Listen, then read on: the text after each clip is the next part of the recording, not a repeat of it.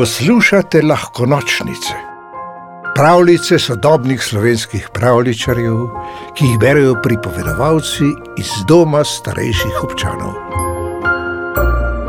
Govova juha. Po noči je deževalo in poletno jutro se je zbudilo v soparni beli srajčki. Pikolovček, obut v gumijaste škorne, je stal v pišmeuhčevi postelji. Vstani, greva po gobe! Hm, je zamumljal pišmeuhec, a ni odprl oči. Pikolovček je potegnil odejo iz njega. Pohiti, je še rekel in odkorakal z odejo pod roko, da se pišmeuhec ne bi spet pokril in spal naprej. Kmalu sta prijatelja vsak s svojo košaro zabredla v gost nad vasjo. Po dobri uri stikanja med podrastjo so bili v Pikoločkovi košari samo trije jurčki, lepi in zdravi, kot bi jih kdo naslikal. Pišmeuhec pa je svojo košaro komaj da še nosil, tako polna je bila. Kaj vse si pa ti nabral? se je zgrozil Pikolovček, ko je pregledoval njegovo bero. Same prelepe gobice, je ponosno in navdušeno povedal pišmeuhec. Jih boš gledal ali jedel? Če jih misliš gledati, prav, če jih misliš jesti, pa ni prav. Tole je neužitna golobica, po njej bruhaš. Turki so užitni, a ko jih režeš, grdo počrnijo, fuj. In tole je zelena mušnica. Bi rad umrl? Gobo za gobo je metal iz pišmeuhčeve košare. Nehaj, se ne bo nič ustalo, se je uprl pišmeuhec. Čisto dovolj bo ustalo. Lisičke in karžal so v redu, jurčki pa so skoraj vsi črvivi. Pusti jih! je pišmeuhec z rokami zakril svojo košaro in se na to pošalil. Malo mesa ne škodi. Pikoloček se je namrdnil, zavil z očmi in ostal smrtno resen. Dobro jih obreži, da ne bodo res črvi plavali po juhi. Ugabno. Pišmeuhec si je mislil svoje, a je vdano skomignil z rameni. Po svoje je bil vesel, da košara ni bila več tako težka in hvaležen, da ga je prijatelj obvaroval za strupitve za mušnico. Ko sta ju mahnila proti domu, je sonce že močno žgalo in napovedovalo čas kosila. Govorja nista utegnila zajtrkovati, zato sta se podvizala vsak v svojo hišo in kuhinjo. Iz pišmeuhčeve je po vasi kmalo zadišalo po praženi čebuli in potem po gobovi juhi. Velik lonec in kup krožnikov je prinesel na vrtno mizo. Mmm so vonjave privabile na okno soseda Lenuhca. Pridi, če ti diši, ga je povabil Pikolovček. Pa še koga pripeli, govove juhe je za pol vasi. Lenuhec je bil len za vse vrste dela, a za klicanje vaščano k obedu pri sosedu se je le pomujal.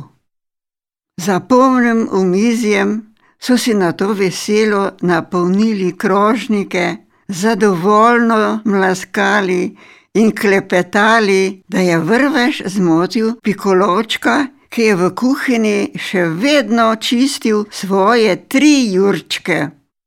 Kaj pa imate? je radovedno pomolil nos skozi okno. Gobovo juho! so v en glas odgovorili pišmeuhčevi gosti. Pridi, pikolovček, še ti na en krožnik, ga je povabil pišmuhec. Ne, hvala. Gotovo nisi dovolj natančno obrezal svojih črvivih gob.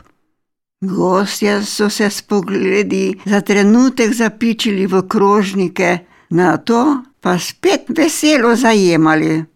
Pikolovčak je zamahnil s kuhinjsko krpo, kot da odganja muho, in izginil z okna. Pozno popovdne, ko je pišme uhec že davno pospravil mizo in se sit gugal v viseči mreži, je pikolovček na svojo vrtno mizo ponosno postavil en sam, samcat krožnik gobove juhe. Okoli vratu si je privezal bel prtiček in zajel z žlico. Juha se mu ni zdela dovolj okusna, a ni bil prepričan. Hej, pikolovček, pridi in pokusi mojo juho. Nekaj ji manjka. Meni se zdi dobra, je rekel pišmouhec po pokušini a pikolovček je juho vseeno dosolil. Kaj pa zdaj? Zdaj je še boljša, je zasmokal pišmouhec, ki je bil že spet lačen. A pikolovčku se še vedno ni zdela najboljša in je dodal še malce soli. Na, zdaj je pa preslana, se je nakremžil. Zdaj je vrhunska je menil pišmuhec. Kar pojejo, se je pikolovček snil prtiček izza vratu. Pišmuhec se je s slastjo lotil gobove juhe in že je ni bilo več. Na, zdaj pa imam. Na moč sem si zaželel dobre gobove juhe, toliko truda sem vložil v vse skupaj, na zadnje pa sem lačen ker je bila za nič, je potožil pikolovček. Moje juhe je še nekaj ostalo. Boš? ga je vprašal pihmouhec. Samo poskusil jo bom, pa je ni samo poskusil. Tri krožnike je zmazal, kot bi mignil, in na zadnje s kruhom pomazal še lonec. Greva jutri tudi po gobe ga je vprašal pišmouhec, ko sta počivala v senci. Gobe, dva dni zapovrstjo, rad imam pester jedilnik. Jutri bi se mi prilegal pečen mlad krompir. Prideš na kosilo? Pridem in prinesem borovničev sladoled za posladek, če se mi bo seveda dalo po borovnice. Pikoloček se je skrivaj nasmehnil, kajti vedel je, da z Boroničevim sladoledom ne bo nič. Pišmeuhec bo gotovo spal do kosila. Najboljša sladica bo tvoja družba, je prijatelja prijazno potrepljal po rami. In tako je tudi mislil pravljico napisala Damjana Kenda Husu, pripovedovala Anica Čandek. V deželo princesk, zmajev, gozdnih vil in ostalih čarobnih biti ste vabljeni vsak večer. Novi pravljici prisluhnite na lahkonočnice.si. Pa lahko noč.